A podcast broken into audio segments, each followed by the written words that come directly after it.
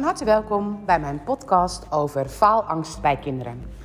Heel vaak uh, krijg ik vragen over situaties bij kinderen waarvan we eigenlijk hopen dat ze, wij zien als ouders, laat ik het zo zeggen, dat ze het kunnen, bijvoorbeeld het lopen of het fietsen. Maar kinderen zelf zien dat nog niet op die manier zo. Nou, stel je voor, ik zou iets moeten doen en ik zou het eigenlijk niet durven, oftewel bij wijze van spreken, ik vind. Um, uh, fietsen heel eng, ik zeg maar wat. En stel je voor, ik zou een stukje moeten fietsen van iemand, maar ik vind het eigenlijk nog heel eng. Dan is het echt bizar wat er in ons lichaam allemaal geactiveerd wordt zonder dat we het zelf doorhebben. Want stel je voor, ik ben bang dat ik ga vallen bij het fietsen. Dan gaat mijn systeem denken van oké, fietsen is echt doodeng. En als iets doodeng is, wat kan hij dan het beste doen? Het verhaal stoppen. Hoe stop je iemand die fietst? Die laat je vallen. Oftewel, onderschat niet het moment dat je ergens bang voor bent, dat je systeem dan automatisch jou boycott door dan eigenlijk de situatie waar je bang voor bent haast te creëren. Kinderen die dus moeite hebben om te gaan lopen, of kinderen die moeite hebben om te gaan fietsen, het moment dat we die gaan stimuleren om te gaan fietsen, dan krijgen ze alleen maar meer programma's in hun systeem dat fietsen eng is. En als je dat meer in je systeem gaat krijgen, dan ga je op een gegeven moment steeds meer weerstand opbouwen tegen dat fietsen. Natuurlijk weet ik dat het soms ook andersom is. Want soms dan denk je als ouder van, nou weet je echt, twee of drie stappen en jij hebt door dat je het inderdaad wel kunt.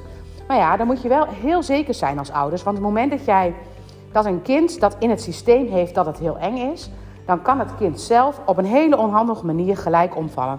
Het lijf maakt een programma omdat dat wat gedaan moet worden super eng is en dan blokkeert het lichaam gewoon zodat je dat niet hoeft te doen. Dus bij een kind zeg maar die aan het lopen is of die aan het fietsen is, neem ze serieus in hun blokkades. Want doe je dat niet, heb je een hele grote kans dat ze opeens schrikken, dat ze fietsen, dat ze denken: "Oh, maar dat kan ik helemaal niet." En bam, daar liggen ze. Want het systeem helpt ze om gelijk te stoppen met de situatie. Dus je kunt als ouders hoog laag springen, niks moet je pushen. Als je ziet dat je kind het wel kan, maar het lukt nog niet, hoe doe je dat dan? Nou, ik spiegel altijd als eerste. Wat laat mijn kind mij zien?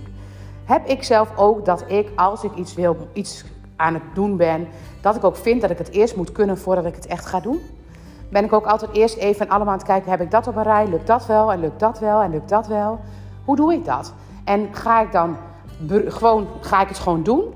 Of ga ik het juist helemaal niet doen? Ga ik het eerst compleet controleren om te zorgen dat ik het in kannen en kruiken heb? Heel vaak als je een kind met faalangst hebt, dan is dat aan de hand. Gaan kinderen zeg maar, je eigenlijk gewoon spiegelen als ouder. Als jij als ouder ook probeert om alles heel perfect te hebben, om het allemaal via bepaalde lijntjes te doen, via bepaalde systemen, dan gaat een kind het ook doen. Dus die wil echt dat stapje van gewoon lopen naar fietsen is best wel een grote stap. Je moet je vertrouwen op de manier waarop je stuurt, waarop je trapt.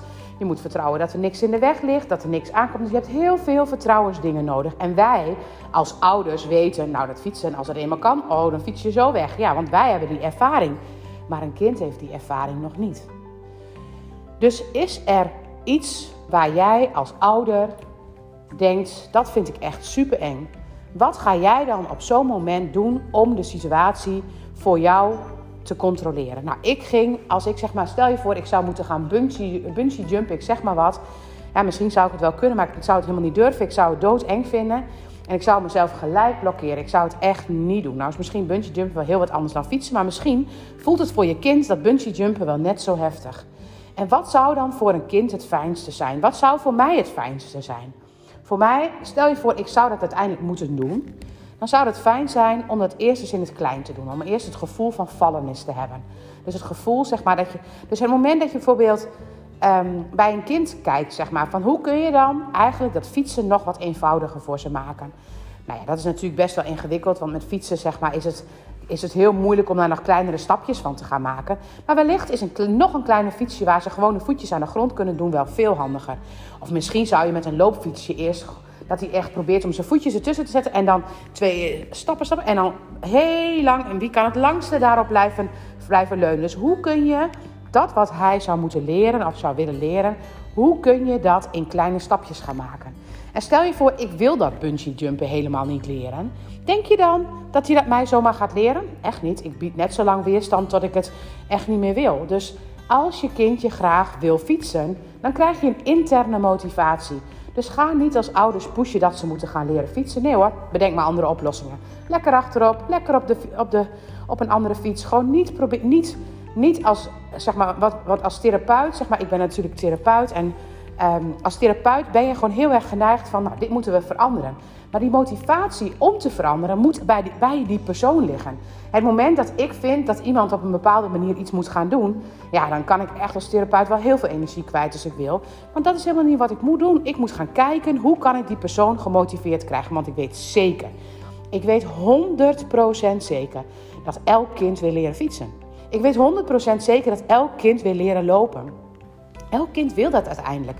En als een kind dat niet doet, mag je gaan kijken waarom vindt een kind dat nog niet belangrijk. Nou, misschien wordt hij elke keer, als je een kind niet motiveert, bijvoorbeeld je zet ze altijd achter op de fiets, ja, dan zien ze het ook niet.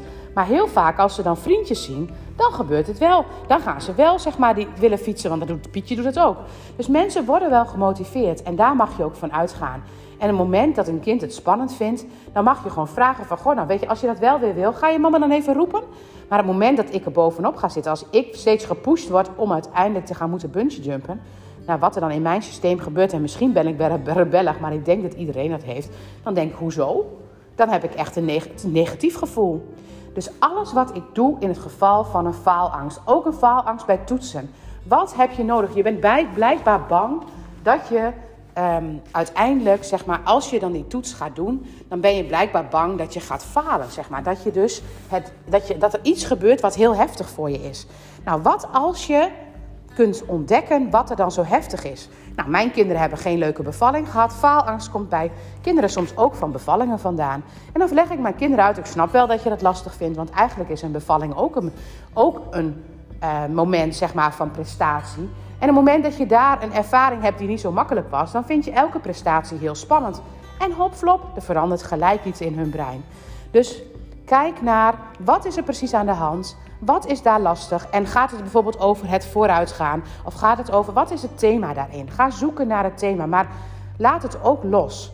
Want elk kind wil uiteindelijk leren fietsen. En het moment dat je ook maar iets te veel pusht, als je maar iets te veel pusht om te moeten bungee jumpen, dan ben ik weg, dan wil ik niet meer. Dan heb ik daar geen zin meer in. Dus het gaat erover dat je vooral niet controleert, niet pusht, niet het beste voor je kind willen, want het kind wil het beste ook voor zichzelf. Maar kijken, zeg maar, als het kind hulp nodig is, gewoon aangeven. Wil je, als je wil dat mama jou helpt, laat het maar weten. Maar laat het kind er ook zelf mee aan de slag gaan. Ga niet steeds die fiets er weer vandaan halen. Laat gewoon een kind op straat spelen en het ziet vanzelf dat allemaal andere kinderen aan het fietsen zijn. En laat het ze dan nog een keer weer gaan proberen. En kijk vooral, als het uiteindelijk dan niet zelf gemotiveerd wordt, kijk dan naar jezelf. Want dan is er een spiegel bij jezelf van of jij wil het te graag waardoor een kind in de rem gaat. Of andersom, hoe ga jij om met nieuwe situaties? Ga je dat volledig controleren totdat je alles voor elkaar hebt? En op het moment dat je dat doet, is het belangrijk om A te zien wat jij nodig hebt om je veilig te voelen, om het wel te doen. Ik dus die kleinere stapjes. Maar dan doe je dat niet bij je kind, maar dan doe je het eerst bij jezelf. Dan ga je eerst jezelf eens uitdagen voor stappen waar je geen stappen in zet. Voor dingen waar je wel eens verder in zou kunnen. En op het moment dat je dat gaat doen, dan zie je vaak bij je kind een verandering ontstaan. Ik hoop je hiermee geholpen te hebben.